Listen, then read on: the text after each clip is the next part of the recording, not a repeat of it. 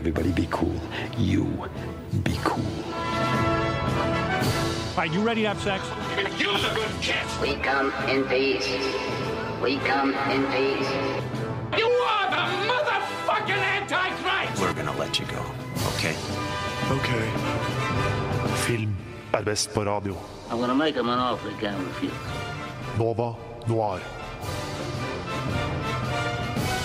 Hei, hei, hei og god morgen. Eller hvis du hører oss på podkast, god når enn du måtte lytte til dette. Vi er Nova Noir på Radio Nova. Jeg heter Hanne Marie Nord, og med meg i studio i dag så har jeg Alexander Helstenius. Og Lukas Ligeti.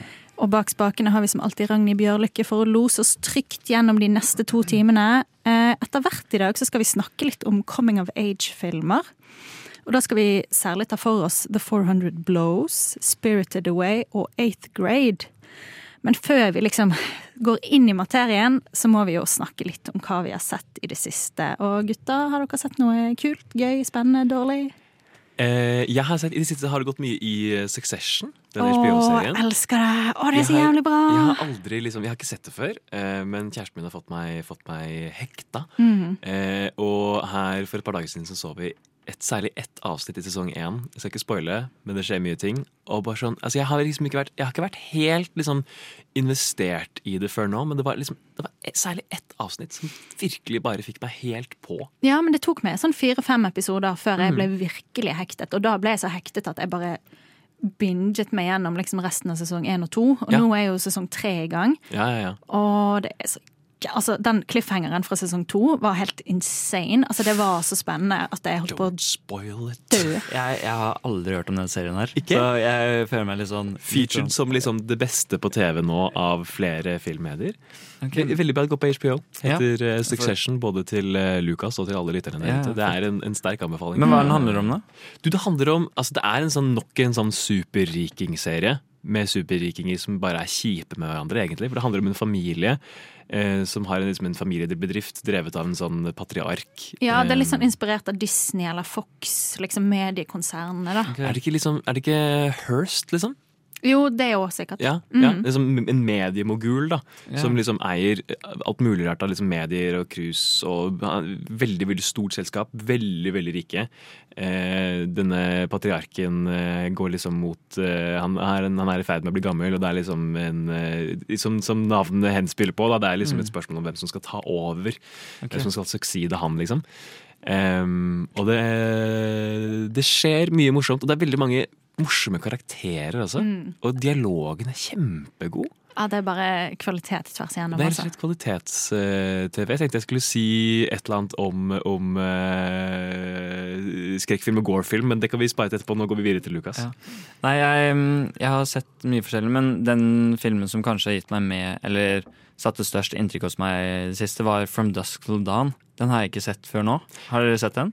Er ikke det den med, med Quentin Tarantino? Ja, og George Clooney. Jo, jo, jo. Og Tarantino har skrevet den. Ja, Tarantino har skrevet den, og det er bare sånn Jeg hadde aldri gjettet at det er, en Tarantino, at det er um, et manus av eh, Tarantino. Det er bare sånn Det er den, er er så absurd. Ja, ja, ja, men ikke, altså, jeg ikke for å avbryte, men på en måte altså, jeg, jeg, jeg, jeg husker da jeg så den, så tenkte jeg liksom den første, første akten Mm. er liksom åh, det er klassisk Tantino. Det er liksom, Nå er vi inne på noe, det er noe, noe ran som foregår. Det er en litt sånn crazy character som er, liksom, han er litt trigger-happy, og så videre. Ja. Og så blir det jo, spoiler alert, en zombie-vampyrfilm. Ja, det er helt sinnssykt. Det er, sånn, det er det siste jeg hadde forventet. Og det er sånn, men jeg føler Og de spiller på så mange klisjeer også. Sånn gammel krigshelt som er der, som har vært, med, som har vært i Vietnam, og han skal liksom redde gjengen. Altså, ja. Det er bare Det var det siste jeg forventet. Så det var Jeg syns den var eh, veldig bra på starten, og så ble jeg litt sånn skeptisk på slutten. Men jeg likte det også, siden det var så tacky, liksom. Men Altså, det er helt altså, Ja, det er det, er så, det er så gory, og det er, bare så, det er så stort, liksom. Jeg må innrømme at jeg ikke orket å se den. Nei, ja. Nei, det er det jeg satt og lurte litt på. Sånn, jeg vet at jeg har sett den, men så er den ferdig. For jeg husker ikke hvordan det ender. Nei. Men Men jeg syns starten er veldig bra laget. Det er sånn Ja, starten er Jeg syns den er ganske ubehagelig. Med, også, Tarantino spiller overraskende bra òg. han passer til den rollen å være den creepen som er litt sånn Og det, det også, jeg tror kanskje det var det jeg følte som var det som fikk meg helt skrudd av på den filmen. Var at jeg, liksom, jeg ville egentlig se hvor det gikk hen på en ordentlig måte. Ikke sant? uten at det liksom skulle bli til Mm. zombie, vampyr, Ja, ja, horror, gore-opplegg. Så anbefaler å se den, i hvert fall til de av dere som ikke har sett den. Ja, gøy. Jeg har vært i en litt sånn retromodus, fordi at det kom jo eh, nå nylig, nå på søndag, tror jeg, første episode av den nye sesongen av Dexter. Ja. Kom på Paramount pluss av alle strømmetjenester. Da enda en du må skaffe deg. Men uh, uansett, jeg har sett fire, tidlig tilgang på fire episoder av den nye sesongen. Men før jeg kunne se det, så innså jeg jo at jeg så jo aldri ferdig gode, gamle Dexter. Altså Det jo handler jo om han seriemorderen som bare dreper andre mordere fordi han er jo egentlig en good guy. eh, Og så må han hele tiden passe på å ikke bli tatt. Og det var jo åtte sesonger eh, på liksom tidlig 2000-tall. Og jeg innså at jeg så aldri det ferdig, så nå før jeg kunne begynne på den nye, så så jeg den siste sesongen, som jo er den dårligste. Men jeg koste meg, jeg, altså. Og jeg koste meg veldig med den nye. Sånn, det er jo ikke, det er jo ikke kjempekvalitetsinnhold, men det er litt, sånn, litt nostalgisk, litt koselig. Altså, Dexter er en så søt seriemorder. Altså, det er liksom koselig å være med. Å, nå skal han drepe igjen for første gang på ti år! Åh. Altså, det er litt sånn absurd. Men, men er det, altså jeg har noen spørsmål til denne serien. Er det, liksom, er det bare eh, det samme på nytt? Gjør det noe nytt? Eller er det bare sånn fanservice I, den- i den nye, eh, i den nye serien? Ja. eh, altså, det er jo på en måte litt nytt. Altså, sånn, det som er greia, er at den for, altså, gamle sesongavslutningen var jo at Dexter faket sin egen død med å liksom kjøre med båten sin inn i en orkan og etterlate sønnen sin med sin eh, morderkjæreste. Um, love of his life, og bare forlot sønnen sin. Mens nå, ti år seinere, så finner jo sønnen hans Dexter igjen og liksom lurer på hvorfor du har forlot den. Og, så det det er de samme tematikkene for Dexter. Sånn, 'Å nei, har jeg skadet sønnen min?' 'Jeg forlot han for at ikke han skulle bli som meg, men kanskje han har blitt som meg likevel.' Uh. Ja. Eh, og samme, og selvfølgelig er Dexter nå sammen med den lokale politibetjenten i liksom en liten sånn fiktiv småby. Bare at altså sånn, Miami er byttet ut med liksom eh, vinterlandskap og snø og kulde. Så det er litt Fargo-aktig? ja, og de kommer til og med med en Fargo-vits. Litt sånn, Det er et eller annet som skjer, eller sånn Dexter ser noen sånn syner som han jo alltid gjør, og så kommenterer han til seg sjøl sånn Det var litt for Fargo, eller? Ja, Er også Cohen-brødrene guest directors i en episode? Ja, Det vet jeg ikke. Nei. Det hadde Ja, vært veldig veldig gøy. Det var veldig gøy. Det hadde vært veldig gøy. Nei, men eh, Så det er egentlig en anbefaling. Hvis du likte Dexter godt eh, back in the day, så er det morsomt nå også. Yes, jeg tror det er på tide med litt musikk.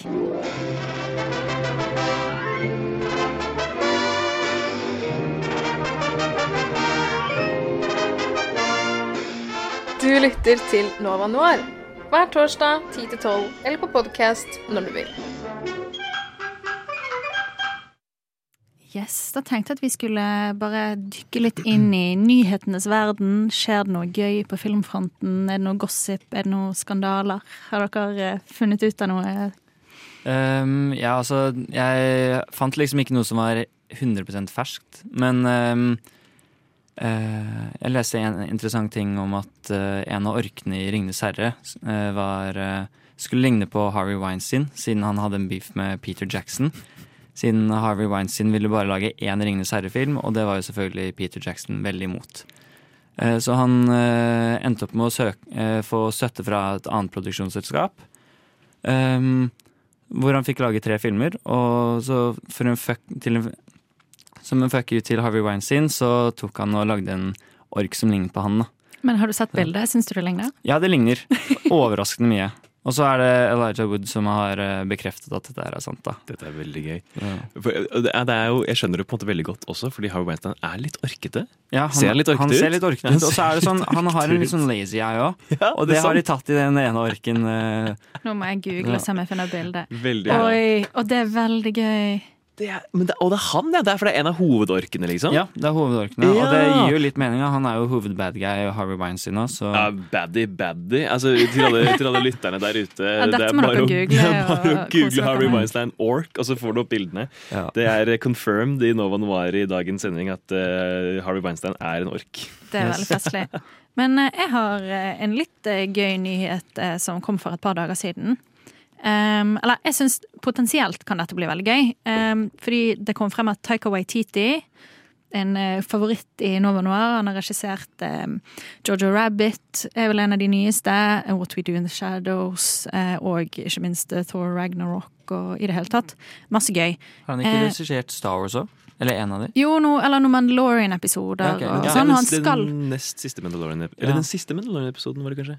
Usikker. Men eh, han skal også regissere en eh, untitled eh, Star Wars-film som kommer en eller annen gang, tror jeg. Ja. Eh, men det som er nytt nå, da, er at han skal regissere en adaptasjon og være med å skrive en adaptasjon av The Incal, som er en sånn sci-fi graphic novel fra Alejandro Jodorowsky, som vi jo har snakket om i en tidligere sending. Eh, snakket man om dokumentaren eh, om at han prøvde å lage Dune for mange mange år siden, og ikke fikk det til. Men det som er litt kult, er at når han da måtte gi opp Dune, så gikk han inn i tegneseriegreiene med en av de tegneserieskaperne som skulle være med å lage ting til Dune.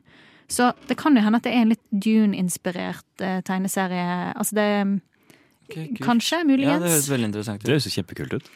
Ja, altså sånn, Jeg har ikke lest noe av det, men det virker, det virker veldig spennende. Og liksom, han eh, er jo Mo, Mo, Moebius, eller noe sånt heter han Ja, tegneren. Ja, ja, ja, ja, han er jo veldig kjent, en fransk tegner, så vidt jeg husker. Mm. Um, ja, Taika Waititi han er jo på en roll for tiden med den nye TV-serien sin. Og, Ja, altså, det Taika. Waititi har så mye greier. For det, Ja, er så her, det er jo en ny Thor-film, og så er det en film som heter Next Goal Wins, som handler om en sånn amerikansk-samoansk fotballag som prøvde å kvalifisere til World Cup i 2004. Og så er det jo snakk om live action Akira og What? eh, Hæ, live action ja, men Akira den er med satt, Taika satt på, Waititi? ja, ja, men den er satt på pause foreløpig, virker det som. da Sikkert okay. fordi at han har så mye. Og så er det noe sånn Flash Gordon-remake og to animerte Roald Dahl-serier. Herregud, han er jo Og- Ja, ja, for alt. da. og en ny eh, Altså en sequel til What We Do In The Shadows-filmen. Og det er jo Nei. også What We Do In The Shadows-serie. Det er så mye greier. Altså Han er veldig populær mann, så jeg er litt redd for at han blir overworked, og at kvaliteten på det han lager, kanskje I don't know, jeg er litt redd for at det skal gå i dass. Ja. ja, ta en liten dip. Fordi at jeg liker jo best på en måte de gamle indie-filmene hans. Mm. Ja, Boy er jo faktisk kjempefin. Mm, og altså min favoritt er jo Hunt for the Wilder People. Altså Ja. Den er helt fantastisk. Ja, ja, ja. Elsker den.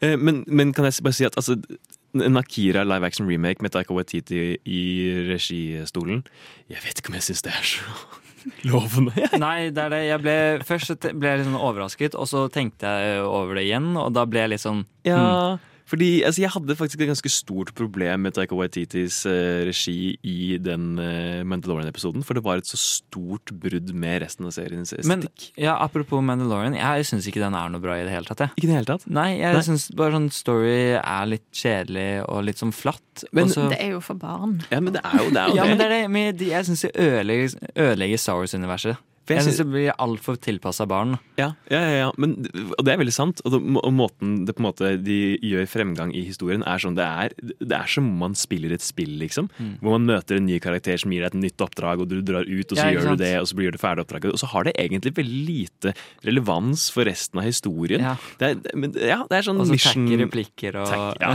det er sant. okay, Men, eh, skal vi Altså, rein it back in. Hadde du Hadde du en nyhet?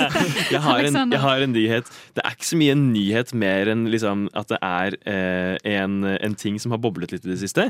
Eh, og det er liksom basert på en NRK-artikkel som kom ut for, eh, for noen dager siden. Som handler om at eh, nesten alle barne- og familiefilmer er basert på noe som er laget fra før. Ja, altså, vi kan jo trekke fram det nyeste eksempelet. Askepott. Askepott, for eksempel. Askepott. Askepott, hva med leksene? Hanne, du er jo eh, manusforfatter, så jeg tenker jeg vil egentlig gjerne ha ditt take. Hva syns du om dette her? Er det, er det latskap? Ja, 100% Men Mhm. jeg tror ikke det er manusforfatterne eller filmskaperne sin feil. Jeg tror det er de som sitter på pengene sin feil. Som ikke tør å satse på noe nytt. Som ikke tør å satse på originale ideer. Som tror at barn Ja. bare vil ha liksom noe basic oppgulp. De Absolutt. undervurderer barn da, og Ja, ja, ja. lager ærlig talt ganske kjedelig barnefilm. Ja. Altså, også fra et sånn anmelderperspektiv så er det sånn jeg gidder ikke å anmelde barnefilm, fordi det, det blir den samme anmeldelsen hver gang. Ja, hva skal man si, skal man, hva skal man si noe nytt om Boss Baby 2, liksom? Nei, ikke sant? Eller en ny Knerten, liksom. Altså, Ja.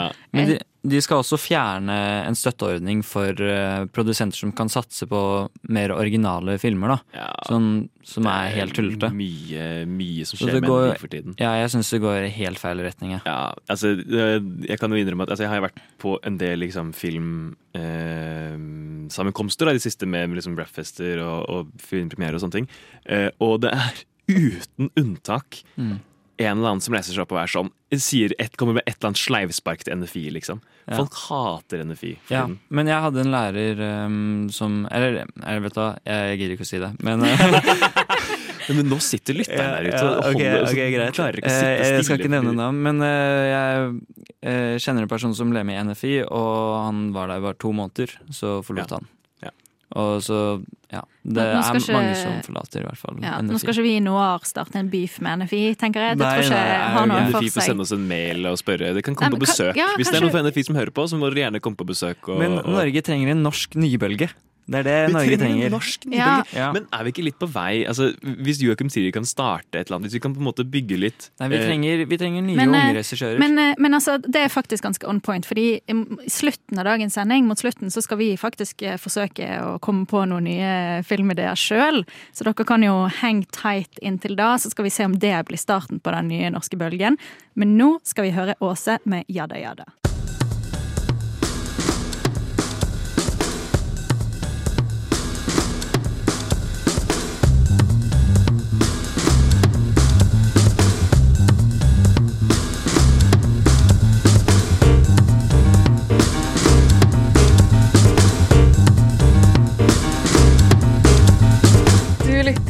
Nova Noir hver torsdag 10-12 eller på podkast når du vil. Det var altså Åse med Jada Jada. Og nå, folkens, eh, skal vi litt inn på dagens tema, som jo er coming of age-filmer. Og vi skal snakke om noen spesifikke filmer. The 400 Blows, eh, Spirited Away og Eighth Grade etterpå. Men først litt sånn Hva er egentlig en coming of age-film? Er det noen av dere som vil prøve dere på å definere det? Jeg kan ta et uh, sleivspark uh, her. Prøve meg litt. Uh, altså, En coming of age-film er jo liksom Det skal handle om en, om en ofte en ung person, da, som regel. Det, det, vi, det vi kjenner som coming of age-film. Uh, en ung person som på en måte um, beveger seg ut i voksenlivet, på en måte. Dypper liksom tærne, møter motgang, konflikter. Bygger karakter på vei mot liksom det å bli voksen, da. Derav liksom coming of age. Um, jeg, dette kommer jo til å diskutere videre, men det er jo en veldig, en veldig bred definisjon. Ja, altså ut ifra de tre filmene vi har plukket ut, så bare der ser vi jo et bredt spekter. Ja, det er bredt spekter. Eh, Så det er òg jeg syns det er gøy at det er over en ganske lang tidsperiode også, fra første til siste film. Ja. Ja, men for det er liksom er det sånn, Hvis du setter deg ned og tenker over det, så er det så mange filmer som kan være coming of age. Altså, jeg føler liksom Hvis du vil, så kan Shrek være coming of age. Men, men absolutt. For det er altså eh, Det som ligger til grunn for coming of age-historien, er jo at eh, man bygger, en, bygger karakter, liksom. Og hva da, hvilke filmer handler ikke om en karakter som bygger liksom karakter, på en måte? Ja, ikke sant? Ja. Eh, Shrek som en coming of age-film. Ja, det er er men han må jo på en måte vokse opp og Absolutt. ta ansvar og Ja, bli ja, ja. moden og liksom Ja, Ja, for det han er er jo en ganske barnslig og kjip fyr i starten, og så må han liksom gjøre det rette til slutt, fordi det er det en voksen gjør. Dere hørte det her først. Eh, Shrek er en coming of Men age. Shrek er mitt eksempel på nesten alt, fordi den tikker så mange bokser. Men eh, ja. Men en film som jeg aldri tenkte på som coming of age, er Napoleon Dynamite. Har dere sett den? Ja, Ja. ja. Den, den føler jeg på en måte er litt sånn typisk eh, coming of age. Ja, eller jeg, jeg har bare Jeg øh, så den da jeg var liten, og så har jeg bare sett på den som en sånn rar komediefilm hvor, med to merkelige karakterer. Men så, liksom, så så jeg den på nytt her forleden, og da bare innså jeg sånn Oi, shit. Det er jo egentlig en coming of age-film, det her òg, liksom. Absolutt. Så det er så rart Absolutt. hvordan man bare Hvis man ser filmer på nytt i dag, så innser man sånn Oi, det her var kanskje en coming of age likevel. Så man, de ligger litt sånn har det skjult der ute. Ja, ja, ja. Mm. ja. Men sånn, den første filmen som kom opp i mitt hode da vi begynte å snakke om at å, kanskje det hadde vært kult å se litt nærmere på coming of age-filmer, var The Perks of Being a Wallflower. Ja. For den er, sånn, den er en veldig typisk tydelig Den skjuler det ikke. Alle vet at det er en coming of age-film. Ja, det er ja, ja, liksom Eh, Men det, den står oss igjen som en, jeg synes, en veldig god coming of age-film. Jeg vet ikke, Har dere sett den? Har dere noe forhold til den? Jeg har ikke sett den, dessverre. Det, jeg har veldig lyst til å se den, men jeg har ikke, jeg har ikke Ja. Ja, nei, for Jeg forbinder det også veldig med på en måte litt sånn en personlig coming of age. fordi Ja. at Den kom jo ut i 2012.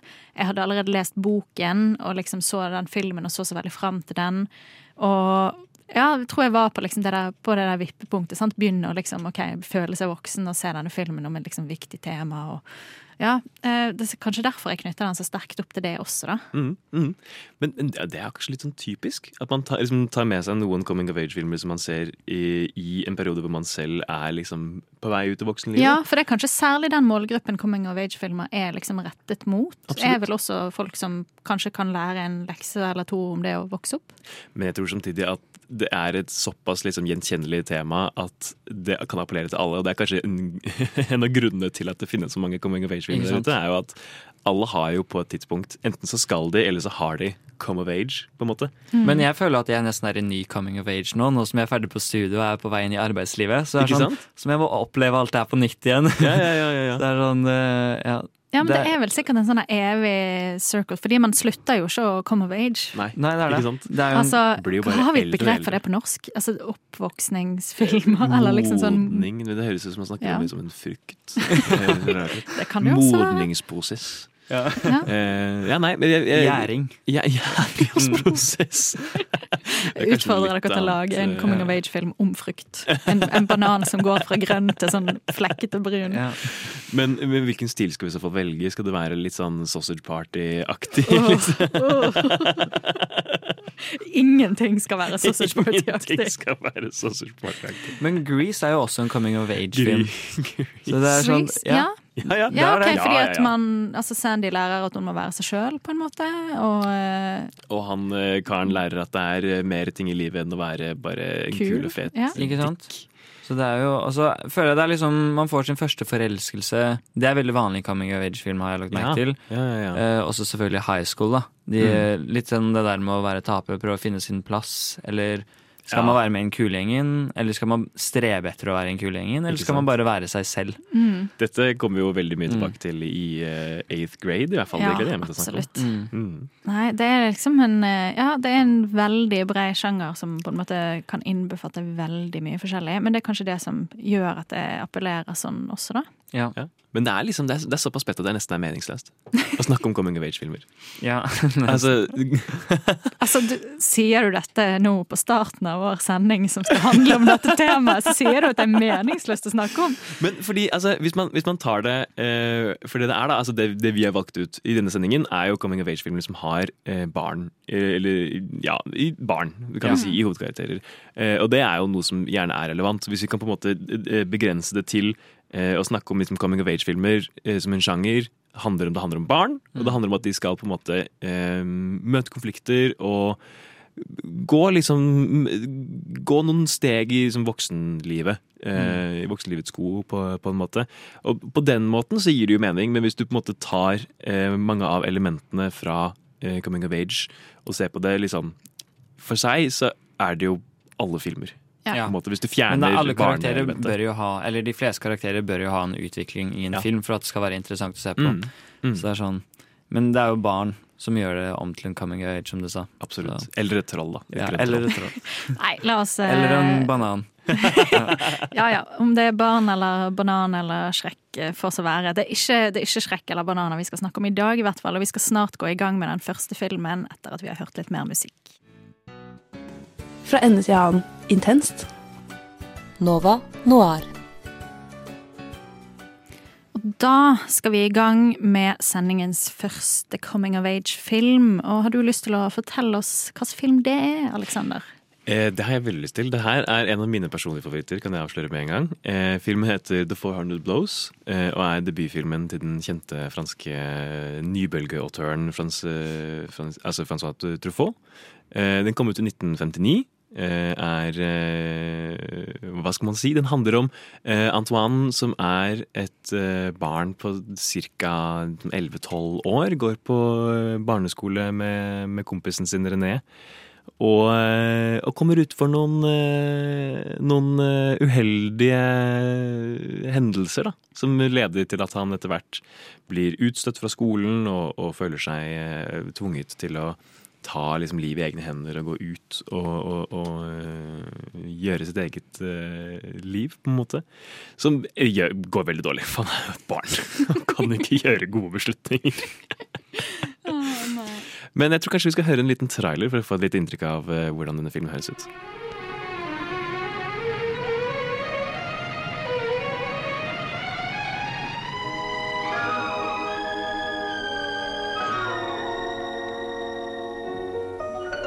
Très bien qu'à l'école, on apprend des tas de choses inutiles.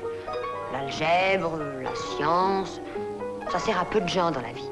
Mais le français, hein Le français, on a toujours des lettres à écrire. Tes parents disent que tu mens tout le temps. Non, je mens de temps en temps, quoi. Des fois, ils- je leur dirais des choses qui seraient la vérité, ils me croiraient pas, alors je préfère dire des mensonges. Ja, altså jeg, det er på en måte Jeg hadde ikke sett denne filmen her før. Men eh, man får jo med en gang en sånn veldig sånn der slags, slags godfølelse som man får av sånne gamle franske filmer med liksom nydelig musikk og rundt i gatene. og bare Det er veldig franskt, på en Mm. måte. Og en av de tingene jeg liker eh, best med denne filmen, her er at den på en måte tar så veldig barnets perspektiv. Helt fra starten av, fra åpningssekvensen, hvor du på en måte ser Paris ut fra liksom, eh, baksetet i en bil, nedenfra og opp, og det er liksom bare er, du kan liksom se for deg at du sitter liksom med hodet til vinduet basically, og Mm. som ser, og ser på byen og, og, og tar det hele inn som et Ja. barn. Jeg syns Francois forteller liksom filmen på en veldig god måte, som er sånn Jeg får mange flashbacks til min barndom. For eksempel om man gjør blir tatt på fersken når man gjør noe gærent som man egentlig ikke har lov til. Så bare blir man sånn helt sånn varm oppe i ansiktet, all blod fyker opp dit, og man tenker sånn shit, nå bæsja jeg på leggen så jævlig. Ja, ja, ja. Står der med, med skjegg i postkassa, alt jeg på å si. Ja, du er jo et barn, så du har ikke skjegg. Ja. Nei, jeg har, et av mine første notater er bare sånn Å, hvis dette bare er en evig lidelseshistorie, prikk, prikk, prikk. Å nei. Fordi at det er jo det det er. Det Det er er jo bare tristesse på tristesse. Altså, det er jo Jeg syns så synd på han hovedkarakteren Antoine. Fordi altså, han er jo egentlig bare en gutt med ADHD-typ. Ja, basically. Altså Klarer bare før, eh, før ADHD var et veldig kjent begrep, begrep, og på en måte ble forstått i samfunnet. Mm. Så jeg føler, For han gjør jo aldri noe som er på en måte veldig galt. Det er bare sånn guttestreker, på en måte. Stjeler den eh, skrivemaskinen, da. Jo, jo, men, men det er sånn- jo, ja. Ja, men så OK. Eh, vi- får huske å si litt, litt sånn spoiler alert, men jeg føler Ja. uansett ikke at vi på en måte ødelegger denne filmen, på en måte, Nei, fordi at nei, det er mer en sånn reise man bare skal være med på, Mm. enn en veldig tydelig sånn handling med store vendepunkter, på en måte. Absolutt. Det er ikke noe twists altså, Det er ikke noe, er ikke noe eh, store liksom eh, twists som vi kan avsløre i den filmen. Altså, de, mange har jo sett eh, det siste skuddet, den siste liksom, freeze-framen på Antoine, hvor han står der ute på stranden og, og eh, ser litt forloren ut. Eh, den er jo altså, Nettopp den her med at den tar liksom, barnets perspektiv eh, så sterkt, syns jeg altså, Det gjør også bare at det blir så desto mer trist. Jeg må innrømme at jeg gråter hver eneste gang jeg ser denne filmen. Og det er, det, jeg gråter som regel to ganger. Jeg gråter som regel når, eh, jeg, når, han, når Antoine sitter i eh, svarte Marja, holdt på å si, politibilen, på vei fra liksom, Ja, det Karsotten. Ja, det, er, det er veldig trist når han sitter der og har tårer i øynene, og musikken svelger opp. og han, Vi ser liksom Paris igjen, men, i dag, men nå ser vi ikke liksom fra perspektivet til Antoine, vi ser Antoines perspektiv på, ut. Mm. Eh, og så er det når, når vennen hans eh, René Og René syns jeg vi må snakke veldig mye om, fordi Mm. de, de, deres liksom, dynamikk er veldig veldig interessant. Men når, eh, når René eh, kommer på besøk i denne institusjonen eh, og får ikke lov til å komme inn, og liksom, det er liksom Mm. den glassveggen mellom den, og han sykler sin vei, og så kommer den veldig triste musikken når det bare er plystring og piano. Ja, for det handler jo veldig tidlig om på en måte at Antoine og René på en måte gjør guttestreker, egentlig, Mm. og skulker skolen og prøver å skaffe seg penger og Ja. altså Gå på kino og Mm. gå på karuseller og, og er liksom gutter. Eh, men men det, er så, det er så veldig sterk kontrast mellom de to, da, fordi eh, René er så er så, man, altså, si, mangler bedre ord verdensvant. Da. Han, han får det til, liksom. Han klarer å manipulere verden rundt han til at den fungerer i hans eh, på hans måte. Han kommer liksom fra, fra bemidlede kår. Eh, hans foreldre gir litt faen i ham, så han har på en måte bare funnet ut at eh, han skal bare styre ting på egen, på egen hånd.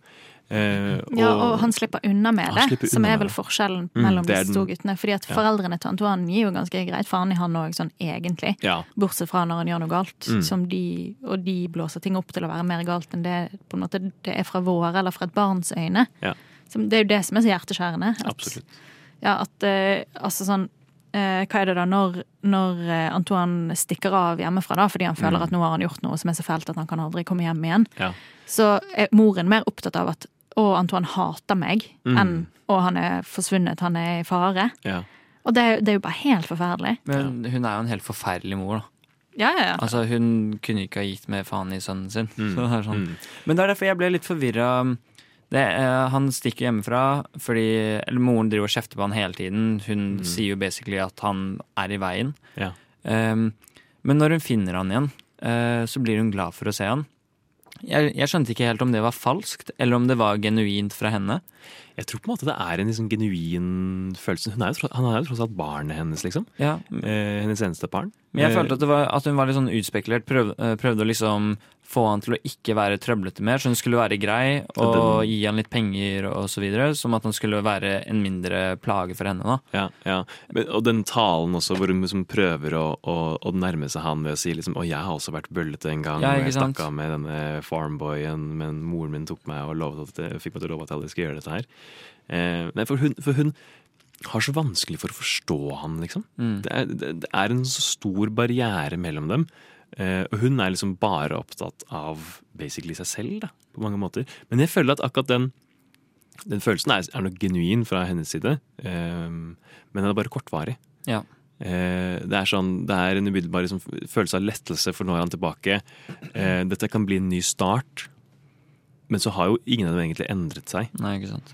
Men, men der kommer litt min eh, Jeg vil ikke si innvending til filmen, men en Mm. sånn eh, spørsmålstegn ved at dette er en coming of age-film. da. Fordi jeg føler jo ikke at Antoine egentlig lærer så veldig mye, eller blir så mye mer moden, eller alt det der som vi snakket om. Det er veldig sant. Altså, han blir jo mest bare tvunget ut i voksenverdenen. Ja, da, fordi at jeg føler at han blir bare Han gjør feil på feil og Mm. blir misforstått, og sånn Altså, faren melder han inn til politiet og liksom er bare fæl mot han. Mm. Men jeg føler jo på en måte ikke at han lærer noe, eller blir på en måte mer voksen eller bedre, annet enn at han blir tvunget til å liksom ut av huset og klare seg sjøl, på et vis. Ja, på mange måter. Altså, på den, I den tolkningen av, av, av Coming of Age så, så skjønner jeg veldig godt hva du mener. Men det er jo liksom den der bokstavelige i at eh, man følger han på hans reise, hans første liksom, møter med voksenverden da, på en liksom, negativ måte, hvor han må på en måte eh, ta ansvar for seg selv. Da.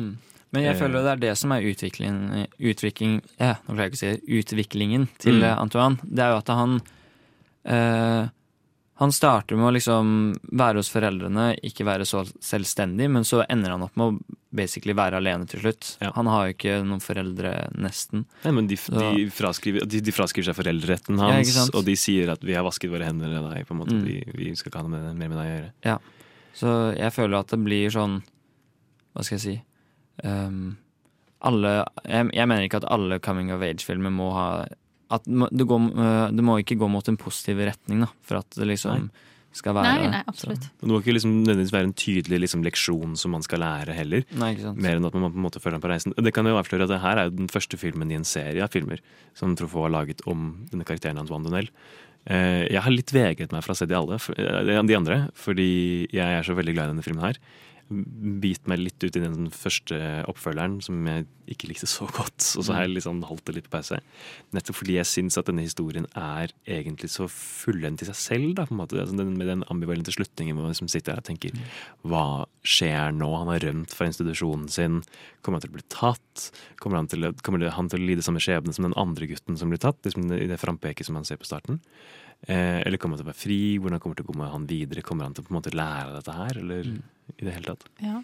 Og det er liksom det poetiske i at han ser havet for første gang, og det er jo på en måte et symbol på frihet. Ja, og, og han også et veldig sterkt symbol, for han har aldri sett havet før. Mm, han er en bygutt. Til Mm. hjertet, liksom. Men har noen av dere lest Catcher in the Rye? Ja. Ja, jeg, jeg får litt sånn Catcher in the Rye-følelse når han driver og bare går rundt i gatene i Paris sånn midt på natta helt alene og prøver liksom å finne et sted å sove. Mm. Så får jeg litt sånn eh, Holden Caulfield-vibes. Han er ikke like kynisk, da. Nei, det er det. Men mm. De er ikke samme karakter. Men det er bare noe med at man vandrer rundt i gatene helt alene og er Ja, ja, ja. altfor ung til å gjøre det. Mm. Så. Absolutt. Men det er, mange, det er mange morsomme øyeblikk synes jeg, i den filmen. Det er jo ikke bare trist. Eh, det, jeg elsker den scenen hvor eh, eh, hele familien velger å gå ut på kino, ja. og så Ja, kommer de hjem igjen. lykkelige øyeblikket i ja, filmen, Og det er sånn. Da satt jeg bare glise så Ja. innmari mye, fordi det var så koselig å se på. Og faren Ja. som jo liksom tuller med begge to. Ja, det var sånn åh. Det, jeg synes der, der klarte du å Mm. fange et utrolig fint øyeblikk. Absolutt. Det er veldig mange fine øyeblikk i denne filmen. Det er særlig dette øyeblikket, men så er det også min, eh, mine favorittsekvenser er litt sånn mer ned. hvor de er ute og bøller, og de er på karusell, og de og Særlig denne scenen hvor de drar på dukketeater. De tar med seg en liten jente som Ja, det blir aldri forklart. Det blir aldri forklart hvem hun er. Jeg tipper det er en scene som blir klippet ut. Men om det er en jente de skal på en måte ha med seg på date, eller om det er lillesøsteren til en eller annen. Man får inntrykk av at begge to er enebarn. så Nei, de kidnappet henne. De har er kidnappet henne. ja. For hun virker ganske mye mindre enn den Ja, men også. for Jeg forventet at de skulle havne i trøbbel for det her, fordi de bare har sikkert tatt med seg et random lite barn fra gaten på dette. Ja. Altså, sånn, det var det jeg forventet, at nå skulle dette få konsekvenser, fordi at de har bare tatt med seg en random liten jente. Det var sånn jeg fikk inntrykk av. Og så ser man jo ikke henne igjen. Nei, nei, liksom. de bare forlater ikke- henne på Dukketeatret, Ja, kanskje. men, men ser hun ikke på Dukketeatret heller. Nei. Men det scenen inne på Dukketeatret hvor, hvor du har disse barna som sitter der, jeg gleder meg alltid hver gang jeg ser den, så gleder jeg meg alltid til liksom den, siste, den, siste, den siste innstillingen fra det Dukketeatret, hvor du har de to guttene som sitter liksom ved siden av hverandre og liksom lener seg på hverandre, hvor han til slutt liksom lener hodet sitt inn, i, inn på skulderen til han andre. Åh, jeg får så varm følelse i magen. Men jeg lurer litt på om dette er en sånn film som kanskje du liker bedre, nå vet ikke jeg med deg, Lukas, men bedre enn meg, litt fordi du er gutt? At det er en litt mer sånn at kanskje din barndom har hatt flere øyeblikk som har lignet på dette? Jeg vet ikke. det er et interessant perspektiv. Fordi at jeg på en måte kjenner ikke så mye gjenkjennelse. Altså nå har jo frykt, hadde jo jeg en veldig annerledes barndom enn den stakkars gutten her. Eh, på. Takk og pris for det. ja, takk og pris. Men på en måte fordi at sånne bøllestreker og sånn Jeg har- var liksom aldri en del Jeg var et veldig sånn snilt englebarn. Sånn at Mm. jeg kjenner ikke meg igjen i det.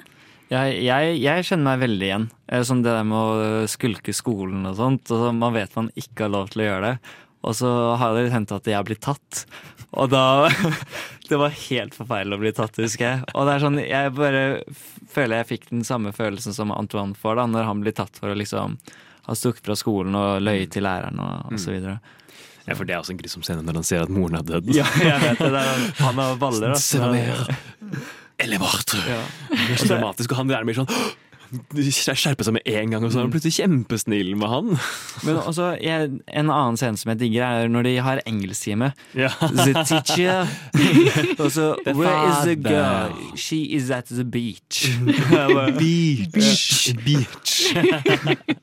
Men vi kan ikke på en måte bare sitte her og sitere filmen, Nei. selv om det er en veldig morsom film Nei, vi sitere. kan ikke det. Eh, Vi må nok begynne å wrap it up. Men eh, ja, um, ja altså, Selv om jeg på en måte kjente ikke meg så mye igjen, så likte den jo godt. Eh, og jeg vil jo si at det er jo et fint på en måte tidlig eksempel på en coming of age-film, selv om jeg stiller litt spørsmål bak eh, definisjonen, eh, bare for å være litt sånn djevelens advokat her. ja, ja. Og den er veldig annerledes enn de filmene vi skal snakke om videre. Og det gjør det jo egentlig veldig interessant at vi har jo, som vi nevnte tidligere, valgt veldig veldig forskjellige filmer.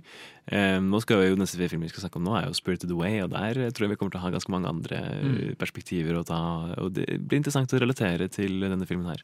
Ja, absolutt. Men eh, da skal vi først høre Faen i Nei, vent. Jo, vi skal høre Faen i helvete med Darth Vedum. Nova Noir. Nova Noir. Nova Noir. What the fuck? Nova Noir. Vi sitter her hver torsdag fra 10 til 12. Og nå skal vi hoppe fram til 2001 og snakke om eh, Spirited Away, som du har valgt, Lukas. Yes, den har jeg valgt. Um, Regissør er Haya Hayao Miyazaki, laget i 2001. Um, og den handler om en ti år gammel jente som flytter vekk fra alt av trygghet uh, og flytter til et helt nytt sted. Um, men så ender det opp med at hun klarer å vandre inn i en verden som er styrt av guder og hekser og rare spøkelser. Så det er vel egentlig det. Ja. Så kan vi høre på traileren. Disney Studios presents a Studio Ghibli film Honey, don't take a shortcut. You always get us lost. from master filmmaker Hayao Miyazaki. What is it? Come on, let's go in. I want to see what's on the other side. Where are you going? Hey! You said just a quick look. Now let's go back. You shouldn't be here. Get out of here now! What? Leave before it gets dark. You've got to get across the river. Go! I'll distract them. Mommy! Ah! I'm dreaming, I'm dreaming! Ah! Dette var jo den engelske Ja. dub-versjonen. Og det er det jeg skal si. festlig. Eh, Det er ikke lov å se den på engelsk. Man må se den på japansk. Så, ja. Ja, Så men altså, dette er faktisk den første filmen jeg kan huske å ha sett på kino. Oi. Ja, Eh, så da må jeg altså da var jeg jo sikkert sånn seks-syv år gammel, og mamma tok meg med, og vi så den på japansk, som jeg jo åpenbart ikke skjønte. Mm. Og jeg var for liten til å egentlig klare å lese teksten. Så jeg tror kanskje det er derfor jeg husker den, fordi selv om ikke jeg skjønte liksom nøyaktig hva som ble sagt, og hva som foregikk, så gjorde den utrolig sterkt inntrykk, fordi den er jo veldig skummel, egentlig. Ja, og den, altså jeg husker jeg har, som, som barn så så jeg den aldri ferdig, men jeg husker jeg så den eh, så starten på TV på et tidspunkt. Og Fram til den der grisescenen. Ja, når foreldrene så- til Chihiro blir gjort om til For den heter jo Chihiro og heksene på norsk. Ja, ja. Eh, Men ja, når foreldrene blir gjort om til griser, det var traumatisk Ja, det som barn, altså. Jeg, jeg husker også det som en utrolig skjellsettende opplevelse. Mm. Men det er det, jeg synes sånn, Gjennom hele filmen så er det sånn ubehagelig følelse, men samtidig veldig deilig å se på. Mm. For alt er så estetisk fint, og så er det sånn Det er noe litt skummelt, men man blir også nysgjerrig Eller man, man får lyst til å utforske den verdenen enda mer, og det Ja, ja, ja. universet, på en måte. Mm. Så det er sånn eh, da, da jeg var 15 år gammel, så kjøpte jeg sånn REM Sleep-maske. Eh, så, som skulle vekke meg i drømmene mine. Så jeg kunne leve i en sånn verden. da, Sånn Studio Ghibli-verden. Men jeg fikk det aldri til, siden jeg bare dro av masken hver gang eh, jeg, i søvne. Siden jeg ja, eh, jeg ikke var vant med å sove med maske, så det var et ja. mislykka forsøk. Men drømmen din var å kunne drømme deg inn og leve i en Studio Ja, Ghibli-verden. så min sånn periode av coming of age, så, så prøvde jeg å leve meg inn i Studio Ghibli-verden. Og basically spirit away, da. Så, Ja. Men altså, på hvilken måte er det Chihiro Eller hun mister jo navnet sitt på et tidspunkt og Mm. går rundt og blir kalt Zen. ja. Men på hvilken måte er det du tenker at dette blir en coming of age-film? Hvilken reise er det hun er gjennom? Um, nei, det er vel eh, Altså, det er veldig mye forskjellig man kan snakke om, men ehm, det er noe med at hun Som for eksempel eh, hvis man skal sammenligne med den forrige filmen vi snakket om, da, 400 Blows, så blir han ekspon eksponert for den virkelige verden, mens her så blir hun eksponert for en litt sånn Ja, en eh, eh, En eh, uvirkelig verden for oss, eller hva jeg skal si. Um, eh, men hun møter jo fortsatt på utfordringer og er nødt til å utvikle seg som person. Og så er det noe med at foreldrene ikke er der mer. Hun, alle de trygge rammene forsvinner helt. Så hun er nødt til å liksom kunne ta avgjørelser på egen hånd. Ehm, og så starter det veldig med at hun er usikker, eh, hun er redd. Hun vet ikke helt hva slags plass hun har. Mens eh, mot slutten av filmen så finner hun plassen sin. Hun gjør liksom den jobben hun skal gjøre. eh, og hun forlater stedet som en mer selvsikker person. Da, og har funnet seg selv. Ja, nei, for det var det jeg tenkte litt på når jeg så, så liksom starten av filmen igjen i går. Og tenkte over at hun virker jo helt utrolig barnslig i starten der. Liksom de kjører, foreldrene de skal flytte til, og hun skal begynne på ny skole. Og hun sitter i baksetet og er liksom et sånt veldig barn. Mm. Veldig barnslig, skikkelig sur og bare sånn skrikete og nekter og sånn trassig. Og det er jo ikke den karakteren vi på en måte følger når hun er nødt til å stå på egne bein og begynne å jobbe på dette badehuset til eh, heksen. eh, og Mm. altså Ja. Ikke sant? Ja, for det er en ganske tydelig liksom, utvikling. da. Mm. Den du mener, eh, du mener mangler i, i 400 Blows, er veldig tydelig her. på en måte. Mm. Eh, Vi ser jo veldig klart hva det er hun lærer, hvilke leksjoner hun går gjennom. og sånt. Og En ting eh, jeg tenkte å nevne som er også litt fraværende, som vi glemte å snakke om i 400 Blows, som er litt fraværende der, er jo det er jo ingen love interest. Og det er det jo her. Ja. Mm, Ikke sant? Absolutt. Ja. Uh, Haku. Haku. Mm. Ja, ja, ja, Det er absolutt. det. Men det er det jeg, jeg syns er så fint det forholdet de to har. For det er liksom Det er aldri noen sånn 100% påstand om at det er en forelskelse der. Eller enten om de er bestevenner eller blir veldig gode venner, eller om det er liksom følelser i bildet. da. Og jeg syns det er litt fint at det er litt tvetydig. At man liksom aldri blir fortalt hva det er. Ja, er ikke det litt typisk når man er barn også, da? At når man er så unge, så er det liksom Det er ikke nødvendigvis på en måte forelskelse på den måten, men det er jo bare at her er et menneske som jeg liker veldig godt og vil være Mm. med og bryr meg om. Absolutt. Og så er det på en måte mest de voksne rundt som definerer det som love, kjærlighet. Ja, ikke liksom. Det, du dukker opp i flere anledninger hvor er det, vel, det er kanskje mest Jubbuba som, som omtaler det som kjærlighet. Eller liksom, ja. Men eh, en interessant fact om filmen var at eh, det var aldri noe script. De eh, utvikla filmen gjennom storyboards. Oi. Eh, så Hayao Miyazaki ville at det skulle liksom skje veldig organs, eller organisk. da. Ehm, så det er jo, er jo sikkert mye De ville sikkert prøve å bare lage filmen gjennom ren intu, uh, intuisjon. si, det er litt tydelig. Ja. Det er ikke så veldig klar liksom, narrativ tråd, bortsett fra at vi følger jo Chihiro som Mm. liksom, vil komme seg vekk. Men, men for eksempel uh, hun skurkeheksen er jo på en måte litt skurk, men også ikke samtidig. Ja, men det er det, det, er det jeg syns er så fint med filmen. For det er liksom Alt er så utydelig. Eller det er ikke utydelig, da, men det er så vagt hva folk er. Det er ingen som blir plassert i en bås, Mm. som jeg syns er så fint. Ja, for det er nettopp det at det er jo litt sånn det er i den virkelige verden, og som på en måte eh, Chihiro lærer veldig tidlig etter at hun har møtt Haku, at første gangen hun møter han, så er han veldig sånn kjeftende, du må komme deg vekk herfra. Men det er jo bare for at hun skal slippe å bli fanget der, Mm. sånn som han. Og så neste gang hun møter han, så er han kjempevennlig og hjelper hun. Og så møter hun henne igjen, og da liksom later han som ingenting og er sånn streng og sånn igjen, fordi da på en måte må ingen skjønne at, de, at han prøver å hjelpe henne. Mm. Og så innser hun det på en måte etter hvert, at ok, folk kan ha på en måte to ansikter, eller vi oppføre seg på ulike måter. Mm. Og det er på en måte en del av hennes modningsprosess, da, og med at flere av disse karakterene er tvetydige. De er ikke, de er ikke bare gode eller onde. Det er liksom, Som mennesker flest er det liksom litt av alt, og Ja. noe, et sted midt imellom. Det er noe godt på bunnen, som er veldig tydelig i Mm. den scenen hvor hun vasker han der eh, The Stink Monster og trekker ut Ja. en sykkel, og så er han. Han er ikke et Stink Monster allikevel. Han er en vakker gud. Mm. Ja. Kan jeg si en siste ting? Jeg ser at vi er litt på overtid. Men um, Uh, ja, det er, jo, det er jo mange teorier hva liksom den dypere meningen er med filmen. Men det er, jeg fant en litt sånn interessant teori.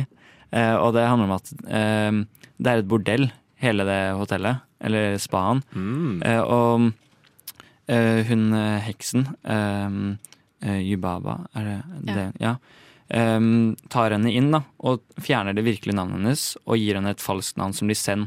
Eh, og Zen betyr tusen, så det blir, betyr liksom én av tusen, som kan være hvem som helst. Hun mister identiteten sin ehm, og er nødt til å liksom please de gjestene som kommer, da.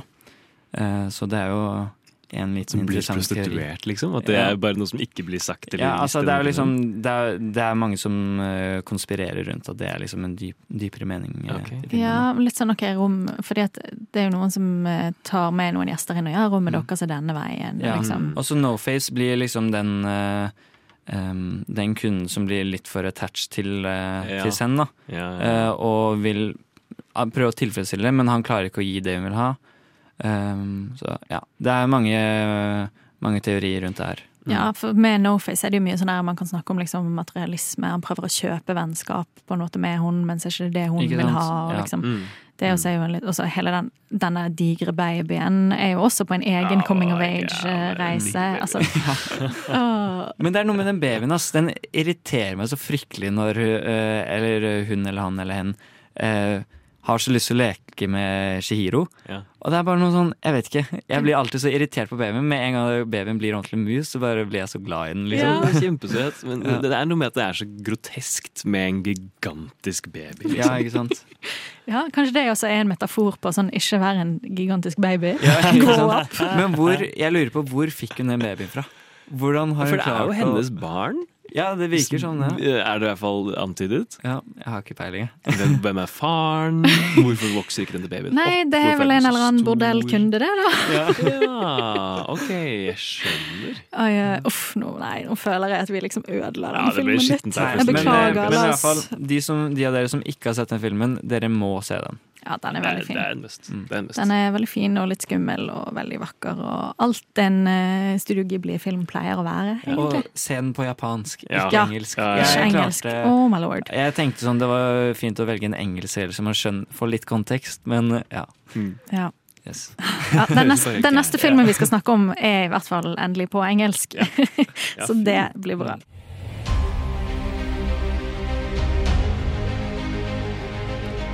En radio.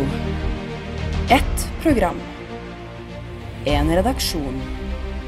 For filmelskere. Nova Noir. På radio Nova.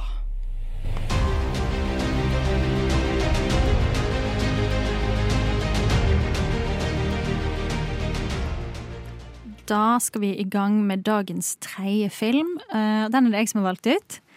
Eh, Det er Eighth Grade fra 2018, som altså er skrevet og regissert av Bo Burnham, som eh, de fleste kanskje kjenner som komiker eh, fra back in the day. Men også ja, ganske aktuell med sine Netflix-spesialer og Inside og i det hele tatt. Alt han tar i, blir jo gull, spør du meg. Så den handler om Kayla Day, som har sin siste uke i det som er liksom amerikansk åttende klasse, før hun skal begynne på high school.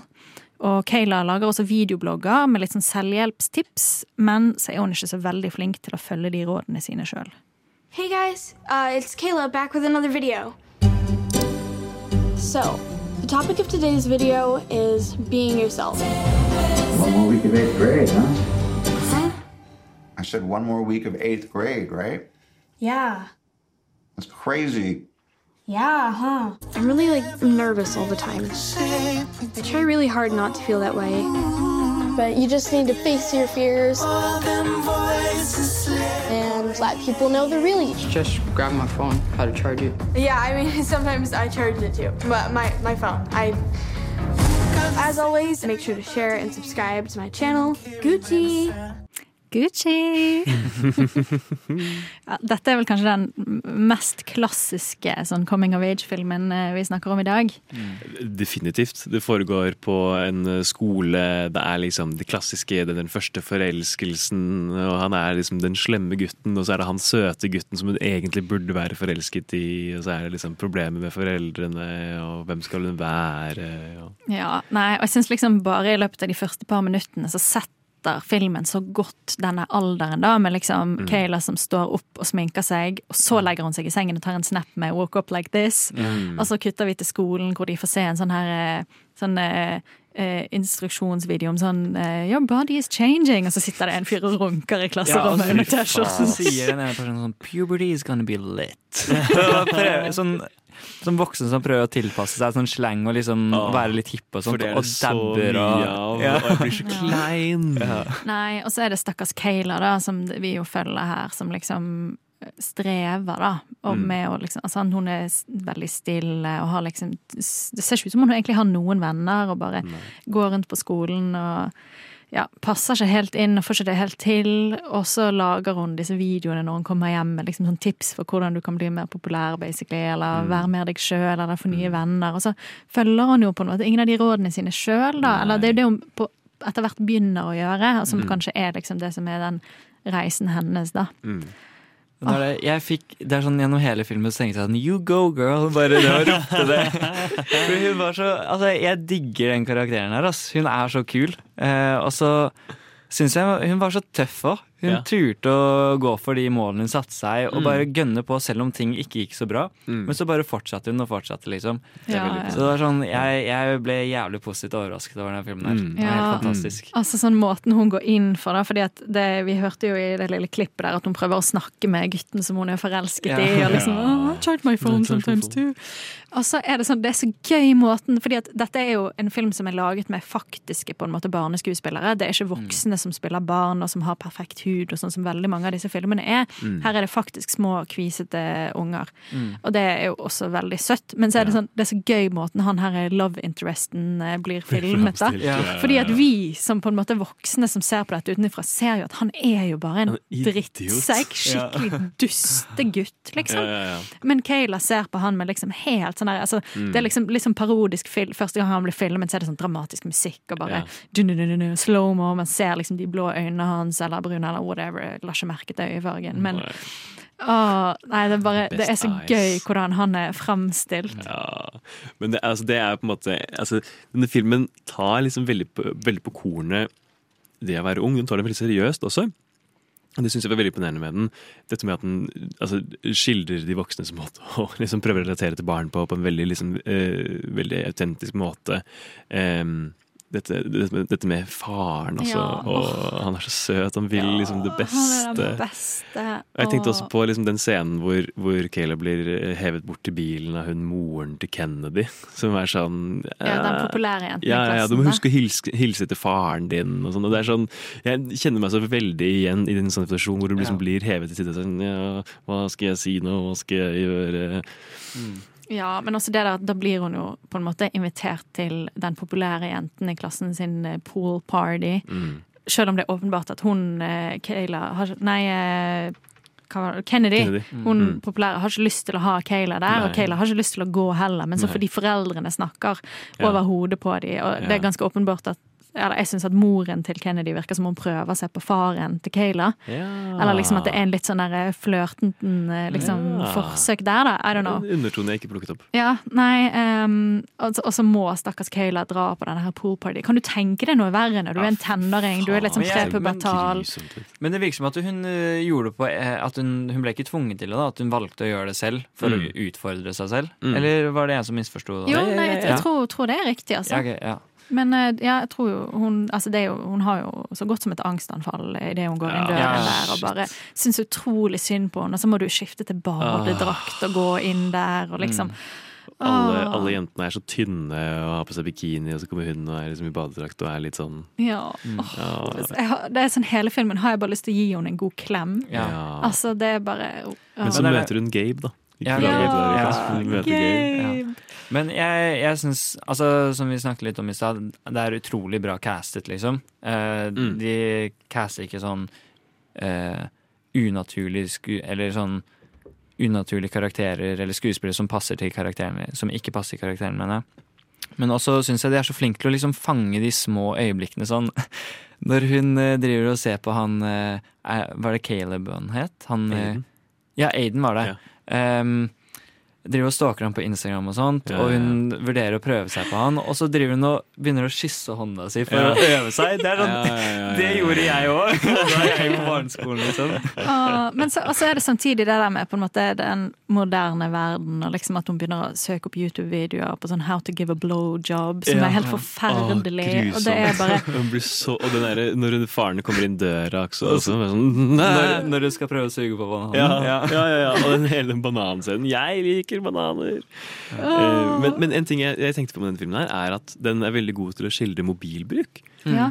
For det er en ting man veldig sjelden ser på film. egentlig. Jeg har begynt å merke at Det er liksom veldig sjelden man ser eh, folk bruke mobilen på den måten som man faktisk gjør i dag. Men det er derfor det er sånn generelt Det er mange filmer som irriterer meg generelt med måten de bruker telefoner på og sånn, Mm. mens her så syns jeg det var et utrolig bra virkemiddel. Eller Ja. bare Ja, ja, Det ja. passet helt perfekt til filmen.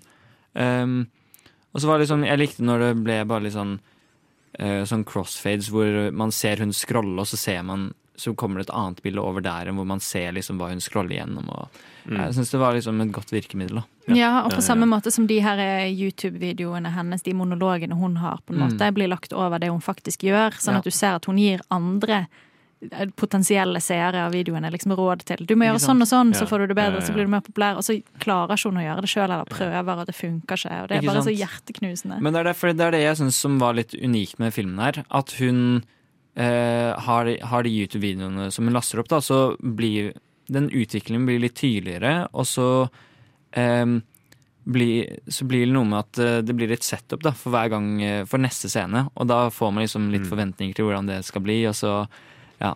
Det så er et veldig liksom- godt virkemiddel. Ja, det Det er er, kjempegodt virkemiddel. Ja, for det er også bare Det er omtrent en uke i hennes liv vi får se her. Men Mm. likevel så er den på en måte utviklingen hennes veldig stor, da. Ja.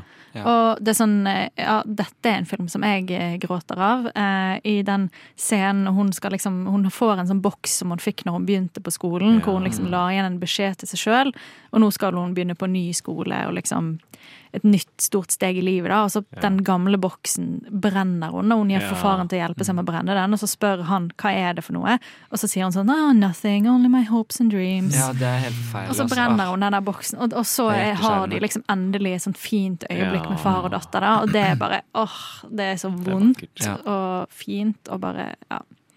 Men det er det fordi jeg En annen grunn for at jeg likte hun karakteren så godt ehm, Jeg syns hun er så voksen og moden, som måten hun reflekterer rundt livet på, og de eh, Nei, ikke komplimentene, men de tipsene hun kommer om som Mm. hvordan man skal komme seg gjennom livet og bli til en bedre person. Og det er sånn, mye av det hun sier, er sånn det var sånn fin reminder for meg i dag òg, føler jeg. Det er sånn, Man må bare kaste seg ut i det, selv om man syns noe er ubehagelig. Man må bare just go for it. Ja, men det er det som er veldig fint, da, fordi at uh, Bo Burnham snakket jo om at når han skulle lage Han fant ut at han hadde lyst til å lage en film, så var det litt sånn OK, men hva ting er det som er aktuelle i mitt liv nå, og Mm. hvilke problemer er det jeg har? Så fant han ut at det kunne relateres veldig, litt, veldig godt til denne aldersgruppen der, da. Ja. Mm. Sånn at han har på en måte lagd en film som Jeg tror det er derfor den på en måte kan treffe oss så godt, Mm. selv om ikke vi er på den alderen lenger. For både Både fordi det er gjenkjennelse, men også fordi det er ting som man sliter med fortsatt. Mm. Og så er det jo også noe med at det er en veldig påtatt voksenhet Ja. i henne. Mm. Liksom, med det- med det at som på en måte altså Det er jo floser, liksom. Det er jo Ja. bare liksom klisjeer, som hun sier. At man må kaste seg ut i det, man må gjøre de tingene. Det er jo på en måte bare ting man, hun har plukket opp andre steder som hun skjønner at man på en måte må, må gjøre selv. Men det vakre er jo når hun innser det selv, da. Ja, ja. At det her er faktisk ting som hun må ta tak i, ikke bare Mm. spy videre Gi til? YouTube-kanalen til sine tre views. Ja. Det er det. Men um, åh, nei, nå glemte jeg det jeg skulle si. Det bare forsvant, uh, Ja. forsvant ut. Nei, jeg bare ja, eh, dette, Denne filmen har en sånn god plass i hjertet mitt, altså. Ja. Jo, men det var det jeg skulle si. Altså, det er ikke noe interessant, men uh, det, det er nok Nå, nå må du den- lytte til Kayla og ta hennes tips. Ja. Du må ikke selge deg inn på den måten. Du må si det med selvtillit, Ja, ja. Lukas. Um, nei, men det er nok kanskje den beste filmen jeg har sett som klarer å få fram den fasen i livet når man er i puberteten. da. Som skildrer det på best, eh, på best måte. Så Mm. jeg ble jævlig eh, overrasket. Veldig Hun er jo i, i samme liksom, aldersgruppe som det Antoine er i 400 Blows. Mm. Ja. Og det er to veldig forskjellige filmer. Ja, det er jo veldig mange år imellom de også, da. Det er jo, Ja. Så det er jo morsomt å se liksom forskjellen der. Mm. For hun, hun har en far som prøver så hardt Ja. å hjelpe henne, men ikke Ja, får det ja, til. Ja. Jeg lurer på hvordan en remake av 400 Blows hadde blitt i dag. Med liksom telefoner og sosiale medier og så videre. Og skole. Ja. Og den institusjonen hvor de har barn i bur. Ja, det også, for så vidt. Han tenner, ja. drar fram en rulling, ruller seg i fengselet, tenner fyrstikken gjennom skoen. skoen. Lommetobakk. Ja, det, det, er- men, altså, det er Han fant noe rusk i lomma, bare. og det at de får han til å røyke det også. At de får han, eh, skuespilleren til å røyke det. Eh, nei, Men, eh, ja, nei, men dette her kan vi faktisk snakke litt videre om etterpå. Liksom Oppsummere litt, Ja, for det er jo de tre filmene vi skulle gjennom i dag. Men nå skal vi høre 'Verdensrommet' med siste gang. Alle tre, og så kommer Edvard og bare What the fuck? Har du sett Parasite? Ja. Har du sett Parasite? Du vet når hun gjør den der, den der den huskeregelen sin? Å, shit, shit. Uh, Nova Noir. Da er vi gjennom de tre filmene vi liksom skulle trekke fram i lyset i dag. The 400 Blows, Spirited Away eller Chihiro og heksene, og Eighth Grade. Eh, og det er jo ja, tre veldig forskjellige filmer, men som alle kan kategoriseres som coming of age. På hver sin måte. Eller egentlig, egentlig ikke. jo alle handler jo om barn i møte med voksenverden, på en måte. Mm. Eller egentlig ikke, ikke nødvendigvis i møte med voksenverden, men i møte med, med motgang da. Mm. Eh, og, og konflikt eh, i situasjoner hvor de er nødt til å ta ansvar, på en måte. Mm. Mhm. Det er noe som binder dem sammen, selv om de er veldig veldig forskjellige. Og har veldig forskjellige utgangspunkter og er laget på forskjellige tider og forskjellige steder, ikke minst. Vi har jo eh, klart å trekke fram eh, tre filmer fra forskjellige kontinenter, Mm. eh, faktisk. Ja. i dag. Ja, det er litt gøy. Det, Men eh, altså, det har de likevel noen, felles, altså, noen fellestrekk utover det. Da. Altså, sånn, for ja, det er liksom forskjellige Den første handler om en liten gutt i Frankrike, den andre om en liten jente i ja, egentlig en fantasiverden, mm. men eh, i Japan eh, ikke, i hvert fall. Og en amerikansk eh, jente. Altså sånn, For den amerikanske, for, der får vi jo også i eighth grade, er det jo også De øver på skoleskyting og sånn, som jo er helt absurd. Ja. Helt sinnssykt. Men det, jeg nevnte det til kompisen min i går, og det er bare sånn Det er jo helt absurd. Det er sånn, I Norge så Man hadde jo aldri klart å se for seg noe sånt skje i Norge, på en måte. Eller ha sånne øvelser. Nei, nei, men det er jo heller ikke en grei og det er jo, Så, det virker så casual i USA. eh, Sånn, ja, i dag skal vi ha øvelse mot school shooting. Ja, ja, Mm. og de ser ut som de kjeder seg, de elevene, og står og scroller på telefonen liksom, Ja. når det kommer en fyr kledd ut også, som skoleskyter. Og så er det sånn dramalinja, eller dramaklassen, som har liksom tatt på seg sminke med sånn skuddsår og det, det er ikke bra, altså. Nei, nei, altså det er liksom Ok, hva er det verste som kan skje på skolen til Antoine, da? Det er at du blir stilt i skammekroken, liksom. Ja, men Det er allikevel. ganske Altså, ille, det jeg kan se på det er noen som får liksom uh, smake spanskrør i den klassen der. Altså, Ja. De lærerne der er jo helt jævlige. Ja. Men, um, men uh, en eh, likhet mellom eh, 400 Blows og Spirited Away um, Der mener jeg at det er eh, foreldrene som mislykkes. Mm. Ehm, for eksempel at foreldrene gjør en feil eh, og ender opp med å bli til griser i Spirited Away. Mm. Mens i 400 Blow så ser så ser de ikke Antoine. Da. Eh, De lytter ikke. Ja, de lytter ikke. I begge filmene så blir de Ikke ikke sant? Så, Mens, mens der er jo den interessante kontrasten til 8th grade, da, hvor Mm. Kayla har en far som virkelig prøver alt han Mm. kan, men han bare slipper ikke inn og får det ikke til. For jeg syns jo at han virker som en veldig god far. Mm. Vi får jo eksempel aldri vite hvor Kayla sin mor er. Understukket av. Eh, ja, bare at ja, hun, hun dro sin vei, liksom. Så det, vi antar jo at det hadde vært de to hele tiden. mm. Left kan jo også være at hun døde òg, da. Men det, det er det, man får jo liksom aldri noe svar. Eller Ja, men når han formulerer det på den måten, så virker det ikke som om hun har dødd, liksom. Nei. Jeg føler det er bare en litt sånn fin måte å si det på. Ja. Jeg det er litt- litt sånn- det Jeg tror det er verre å si moren din har Ja. stukket av, hun har Ja, ikke lyst til å ja, være med deg, enn at hun er død, på en måte. Ja, ja, ja. Så jeg tror ikke Ja, ja, ja eh, kanskje. Men kanskje. Nei, jeg, jeg sier ikke at det er sånn. Det er, sånn, det er bare, ja. men, men bare følte ikke at det ble sånn tydelig forklart, bare. Nei, det er sant. Nei, men det, er, det, er, det har de til felles at det er, på en måte, det er kompliserte relasjoner med foreldrene, da, kan vi si. Eh, og hvis vi skal på en måte oppsummere vår lille hva skal man si, vår lille dypdykk inn i sjangeren coming of age, så eh, kan vi jo ta det til grunn. altså det, det skal være, det, det er eh, kompliserte relasjoner med, med foreldre. Det, altså det, først, først og fremst skal det jo handle om barn. Det skal kompliserte, kompliserte relasjoner med foreldrene. Man skal møte motgang som man er nødt til å håndtere selv. Man skal liksom nødt til å ta styring i sitt eget liv. Eh, man må kanskje tilpasse seg for omgivelsene Mm. på et eller annet vis. Sånn jeg føler Mm. alle sammen på et eller annet prøver til en viss grad å liksom forandre seg eller gjøre det på en måte samfunnet forventer av de da. Ja, ja absolutt. Absolutt. Det kan man si. Eh, ja. Vi, jeg Mhm. føler at vi har, vi har kommet litt eh, Kanskje blitt litt klokere på hva en eh, coming of age-film eh, er i dag.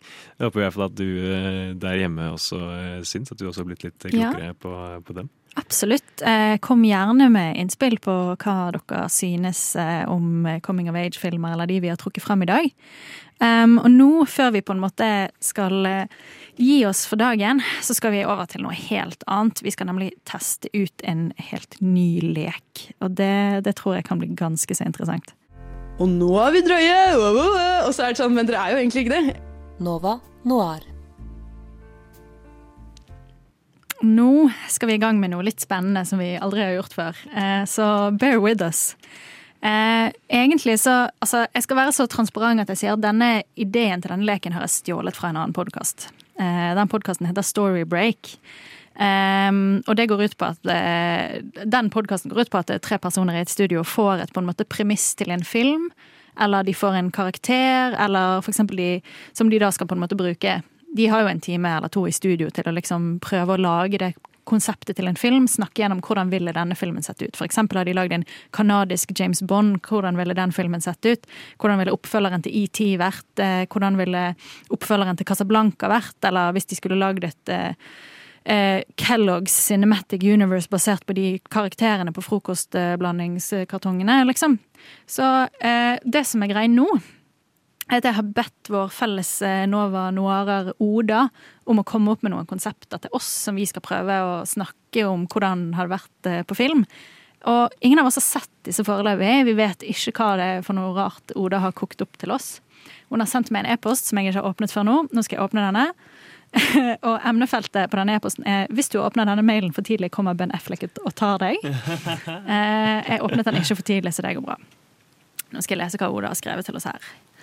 Kjære kollegaer og forferdelig flotte venner. Skulle jeg beskrevet dere kollektivt, ville det vært som kunstkjenner. For film er kunst, det er vi enige i, og før dere starter, vil jeg gjerne få si Hurlum hei, hurlum hå, dette diktet har vart for lenge. Ikke alt har en dypere mening, det er dagens lærepenge. Så det var, det var noen kloke ord fra Oda til å begynne med. Vi lager en jingle.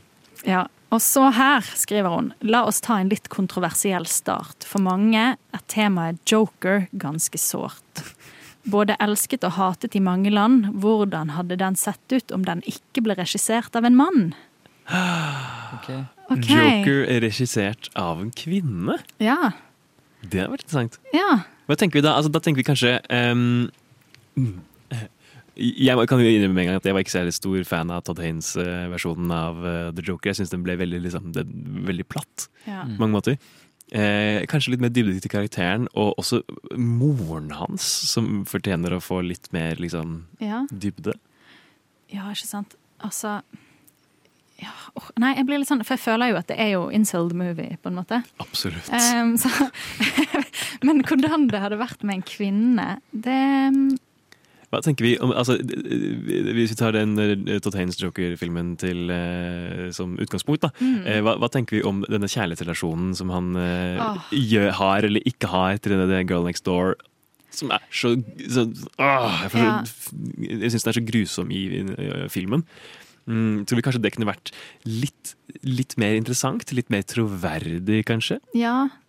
Ja, altså på en måte litt mer sånn Men jeg føler jo at vi skjønner jo på en måte at han misforstår den relasjonen i Ja. utgangspunktet, gjør ikke vi det? Jo.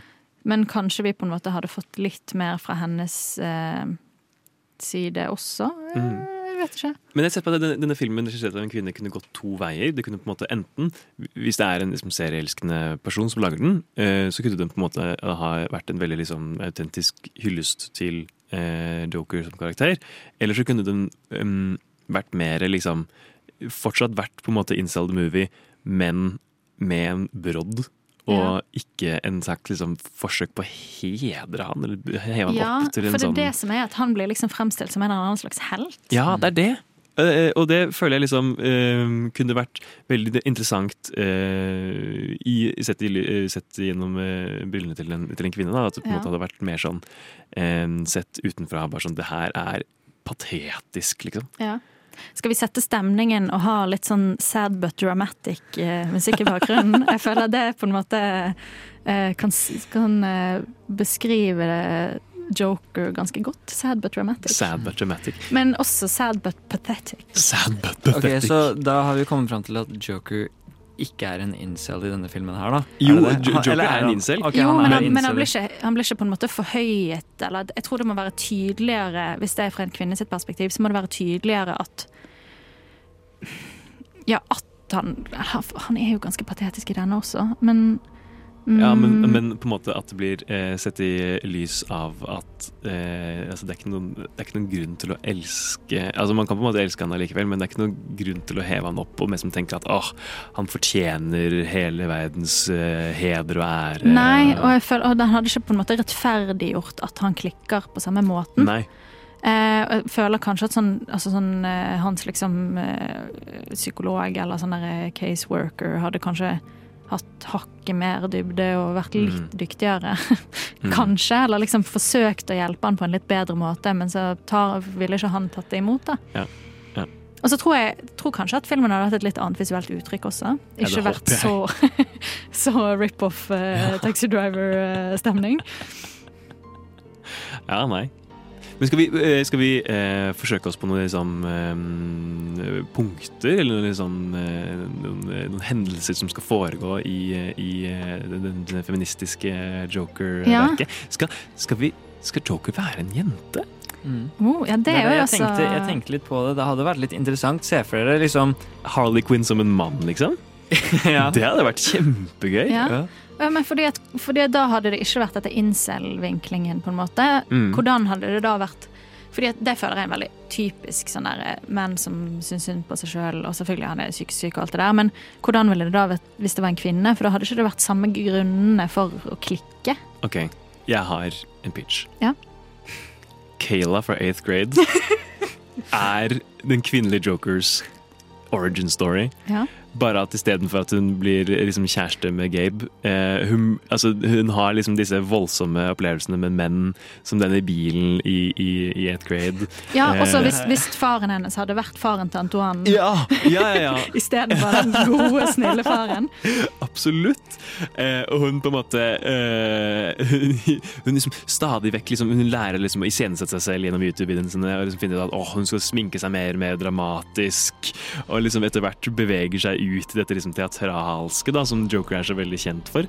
Eh, Det er det, det. Man må kaste seg ut i ubehagelige situasjoner, og det er det vi prøver på. Ja. Det er akkurat det. Så Bare begynner å ta på litt sånn joker-sminke. Mm.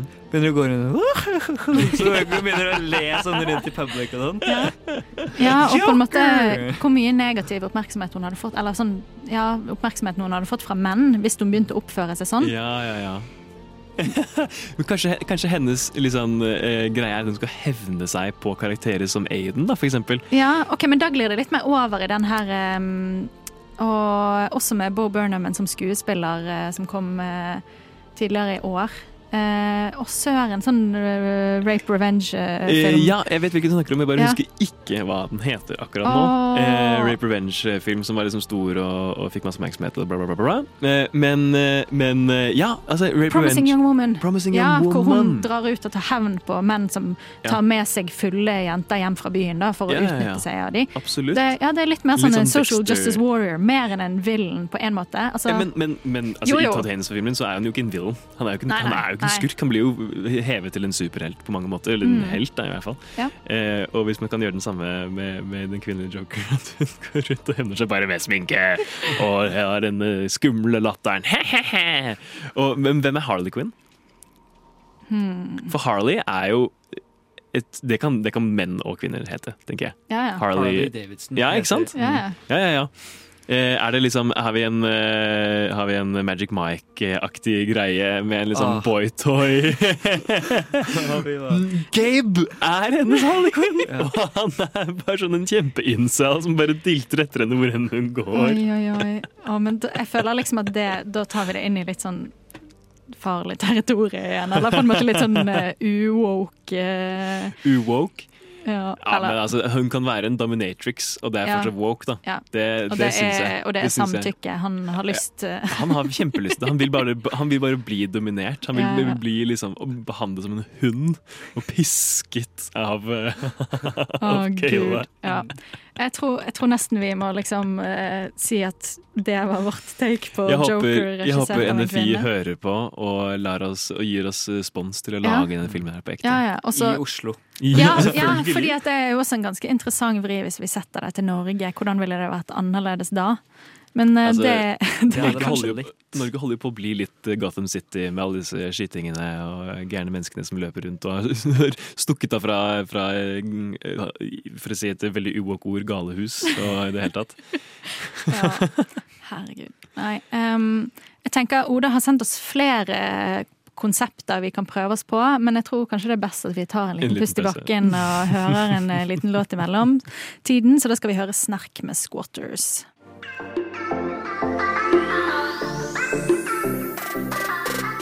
Du lytter til Nova Noir her på Radio Nova.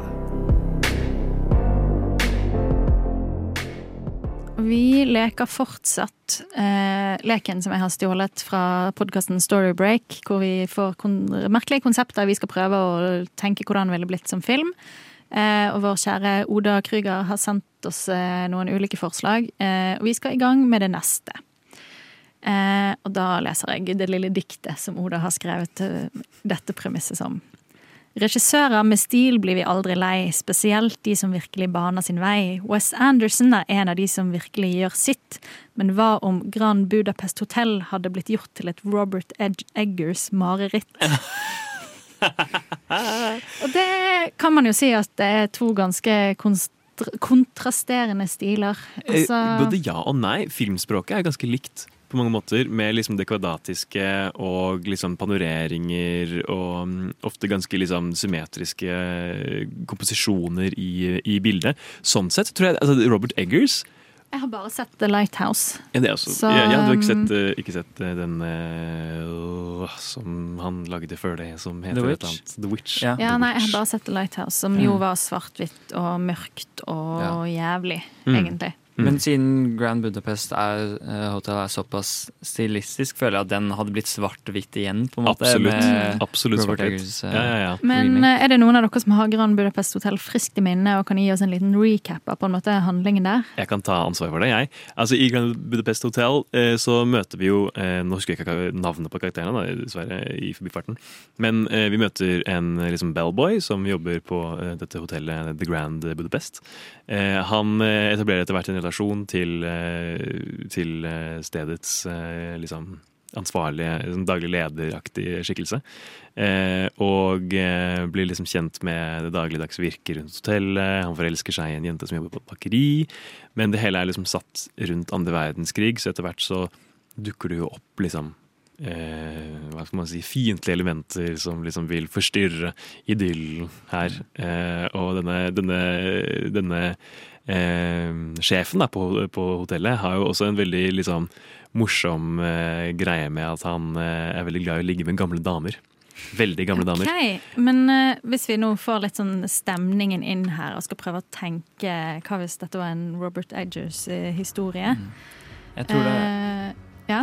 Jeg tror det hadde blitt en sånn tysk ekspresjonistisk film. Sånn der, sånn, sånn, hotellet hadde blitt ordentlig sånn stort, skummelt slott med masse Ja. sånn spindelvev inni. Ja, litt og mer så sånn, flaggermus eh, som flyr ut når man Mm. åpner opp vinduet. Litt mer Edward Scissorhands-type bygg Ja. enn eh, Mm, en dette rosa hotellet. Fordi filmen åpner jo med liksom, eh, hvor vi ser hotellet eh, ganske lang tid etter at liksom, selve hovedhandlingen eh, utspiller seg. da Hvor det er liksom litt rundown og få gjester og litt sånn mørkt Mm. og litt sånn brutalistisk på en måte. Ja, det passer fint. Ja, Kanskje vi kan liksom forholde oss liksom mest til det. og Det er liksom denne forfatteren som kommer til hotellet og møte liksom sjefen. og Det er liksom Det er liksom, kanskje litt sånn Shining-aktig stemning. Mm. Men liksom det er få mennesker der, han kommer inn, og det er liksom Kanskje det er noen nazispøkelser eller Ja. et eller annet. Kanskje Ja. Robert Deckers er kanskje ikke så glad i det. Nei, kanskje ikke. Jeg vet ikke. Nei. Men det er i hvert fall en, en Han er glad i måke. hekser, da. Ja, han er glad i hekser. Og det er en jævlig um, måke i hvert fall som, som mm. plager vår hovedkarakter. Altså Han som eh, eier slottet slash hotellet, han er, elsker å ligge med hekser. Og ikke eldre Ja, damer. men, men da må vi åpenbart ha scener. Altså, det han liker aller best, er å ligge med dem til de dør. Ja, Sånn selvfølgelig. blir- Åpenbart. For, Ja, ja. ja, ja, fordi det er også et, et, et plottpoeng i, i um, The Grand Budapest, er jo at han eh, går til liksom begravelsen og, og testamentopplesningen til en av de damene han har ligget med, og, og arver et maleri. Eh, og hvis man på en måte kan dra den litt inn i Robert Ja, Eggers ja, kanskje stil det maleriet er sånn forhekst eller et Kanskje, det eller er annet. maleri, men eh, kanskje, han liksom, kanskje det er liksom derfor han egentlig ligger med denne dama, for å få Ja, klørne ja. sine i dette maleriet. Absolutt.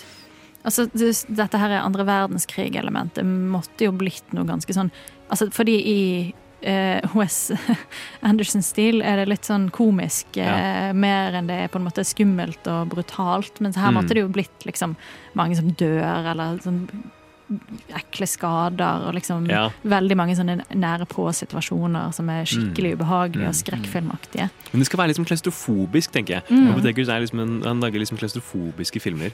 Eh, og jeg vil veldig gjerne ha inn en, en scene altså det skal være, Jeg vil gjerne at, at eh, denne mm, direktøren på dette hotellet er litt sånn ekkel. Mm. Promper, lager liksom rare lyder. Oh. Helt, helt jeg, forferdelig. jeg vet ikke helt hvorfor, men jeg føler sånn Han Bellboy kunne ha vært litt sånn emo. litt sånn, sånn litt langt, svart hår med litt sånn lugg, sånn Edvard Saxon bare Ja. Ja. Og så er det sånn han, Det er lenge siden jeg har sett Grand Budapest Hotel nå, men eh, Mm. han får jo seg en kjæreste, gjør han ikke det? Ja, får seg en kjæreste. Hvordan kunne den utviklingen der ha blitt, da? Hvordan, eh, hvordan hadde kjæresten vært? Kanskje kjæresten egentlig bare finnes i hodet hans. Ja, Kanskje det egentlig er Det blir bare eh, en psyk sånn psykologisk Ja, ja, ja, thriller. ja, ja. Åh, jeg kjenner at denne filmen har jeg ikke lyst til å se. Skal vi ha noen sånne body horror-elementer? Du nevnte liksom at med Mm. nazistene også, men jeg vet ikke har du, du har sett Witch? Ja. Er det mye body body horror-elementer i den? Jeg husker ikke helt. For det er jo ikke det i The Lighthouse. Han er han egentlig eh, Han er ikke så mye ute i det. Det er mer liksom det okkulte, det mystiske, det fascinerende som er Robert Eggers. Ja, uh, altså det er jo for det meste litt sånn uh, Ja, det mystiske, det som Litt sånn Mm. overnaturlige Mm. krefter, da. Det skal være noen overnaturlige krefter dette, på dette hotellet. i hvert fall Ja. Om det er nazispøkelser, eller om det er hekser som skal bli ligget ned for å arve forheksede våre malerier. Nei, herregud. Ja. Nei, men eh, jeg tror kanskje vi eh, sier at det, det var den filmen. Eh, den har ikke jeg lyst til å se, i hvert fall. Men eh, jeg kunne vært med å lage den. Nei, jeg tror vi, vi tar en liten låt igjen, jeg. Du Du Du hø hø hører på. på Radio Nova. Og da er vi nesten ved veis ende, gutta. Vi har eh, snakket om coming of age-filmer og diskutert det, og kanskje har vi også modnet litt gjennom denne samtalen her. Hvem vet? Kanskje vi, har, dere, har dere lært noe nytt om dere sjøl gjennom å se disse filmene? Eh, jeg lærte i hvert fall at eh, jeg ble nok en gang konfrontert med at jeg har en tendens til å bli veldig klein når jeg ser på kleine filmer. Det ble jeg konfrontert med da vi så på 8th grade. Jeg måtte liksom ligge der. Det var pute-TV for min del. Ja. Så, så, det knøt seg helt eh, for meg. Ja, jeg lærte at jeg kanskje fortsatt kan bli voksen nok til å virkelig kose meg med filmer hvor det egentlig ikke skjer så mye med The 400 Blows. Men eh, nei, den var fin, den, altså. En, eh, bare en veldig vond historie. Ja. Men eh, med det så må vi egentlig si takk for at du hørte på Nova Noir på Radio Nova. Vi er alltid her fra 10 til 12, eller i podkast-appen din. Ta og Gjerne følg oss på sosiale medier og se hva vi driver på med der, og si hva du synes og hvilke filmer du har lyst til at vi skal snakke om. Mm. Eh, jeg har vært eh, Hanne Marie Nord, og med meg i studio har jeg hatt. Alexander Hellestenius. Og Lukas Shelton Ligeti. Og på teknikk har vi som alltid hatt Ragnhild Bjørlykke. Og eh, yes, that's it. Vi snakkes neste torsdag. Takk for oss.